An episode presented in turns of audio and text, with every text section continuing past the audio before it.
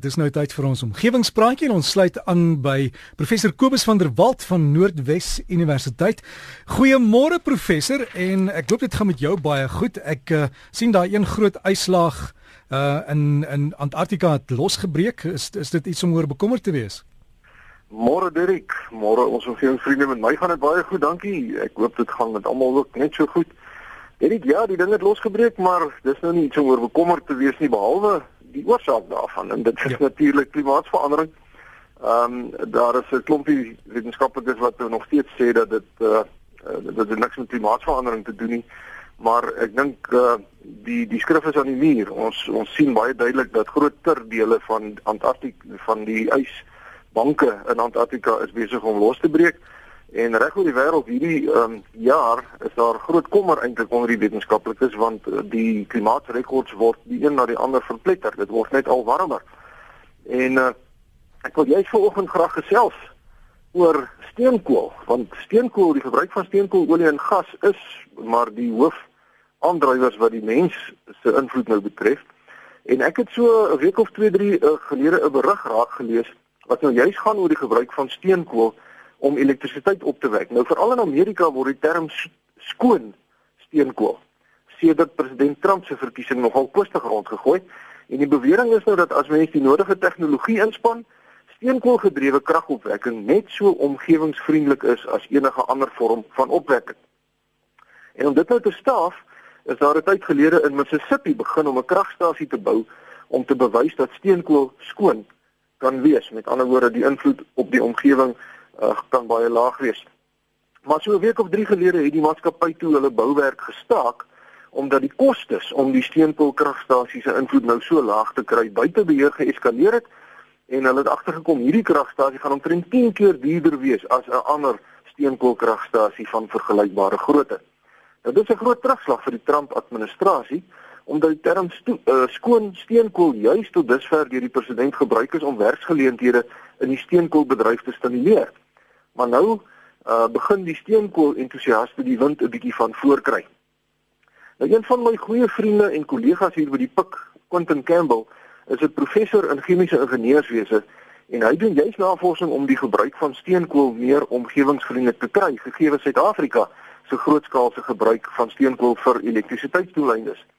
En ek het hom vir Quentin gevra of hy dink dat dit moontlik is om steenkool net so skoon te kry soos ander energiebronne en hy het te baie moeite gedoen om die regte feite vir my in die hande te kry en ons twee het so 'n week of wat gelede die saak langs 'n braaivleisvuur gesit en bepraat. Nou as mens die steenkool gebruik om krag op te wek, dan word daar gemiddeld die ekwivalent van 1 ton koolstofdioksied vrygestel vir elke megawattuur elektrisiteit wat jy opwek.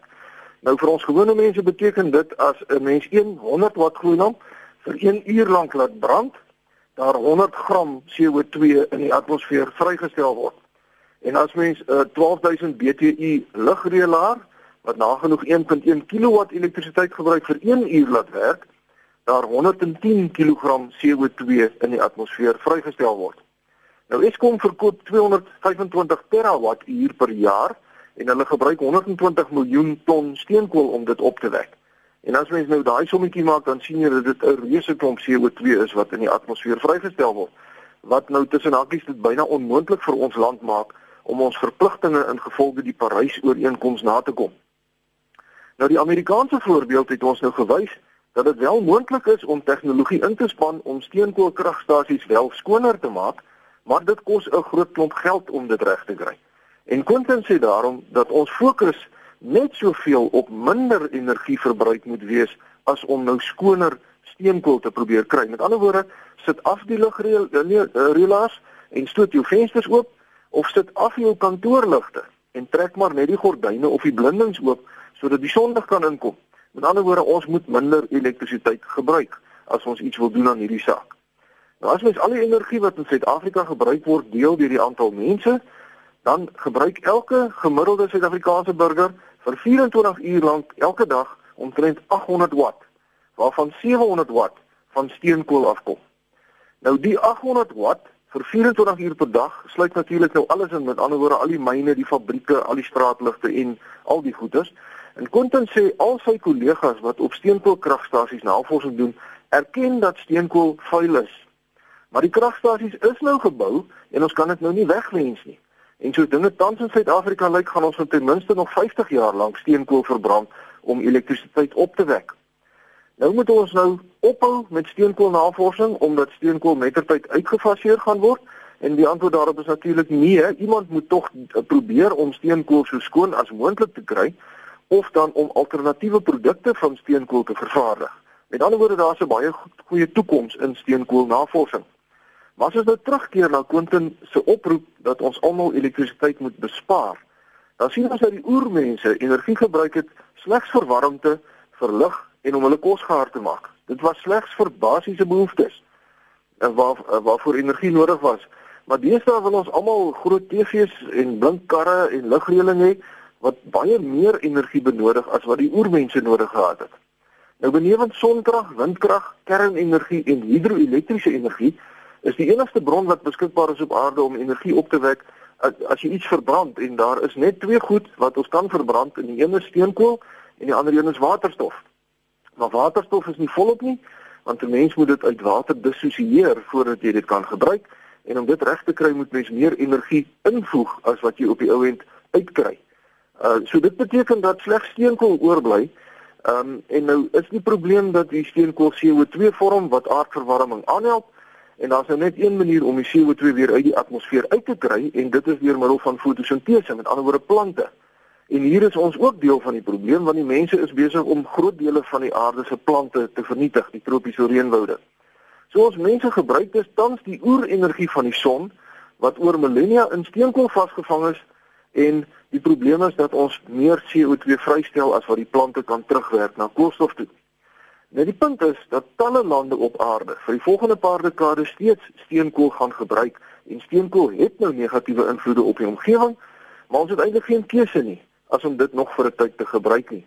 Maar elke individu kan deur lewenstylkeuses 'n beduidende invloed op die ehm um, die die steenkool se groenheid hê as ek dit so kan sê, sy skoonheid. Want 'n groot deel van die energie wat ons elke dag gebruik word aangewend om nie noodsaaklike aspekte van die moderne mens se gemaklike lewenswyse aan te dryf. Ons gebruik reuse hoeveelheid elektrisiteit om gemaksigtig te lewe in plaas daarvan om slegs ons basiese behoeftes aan te spreek. Met ander woorde, indien die mensdom nou nie daarin slaag om klimaatsverandering onder beheer te kry nie en ons sterf uit, dan sal dit hoofsaaklik ons eie gemak wees wat ons doodgemaak het. En ons kan dit sien as ons uh, vir armer mense vergelyk met ryker mense, 'n hoë lewenstyl gebruik 5 keer meer energie as 'n basiese lewenstyl. En dit beteken dat ons almal 'n kopskuif moet maak na passiewe energiebestuur toe. En dit uh, ons beteken maar net ons moenie elektrisiteit mors nie. Ek ek wil altyd die afstype kry as ek in kantoorgeboue inkom en die son skyn helder buite en die mense het blindings voor die vensters maar hulle sit hulle ligte aan binne in die kantore. Dit is mos nou dom. 'n Mens boet net mooi niks in as jy die ligte afsit en jou ligreëling afskakel en jou vensters oopmaak as dit natuurlik geskik is.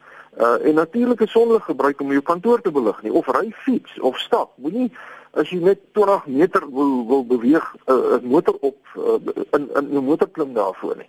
En sulke eenvoudige maatreëls is baie goedkoper en baie meer effektief as nuwe tegnologie of skoner tegnologie vir alles wat nou by die verbruik van steenkool kom.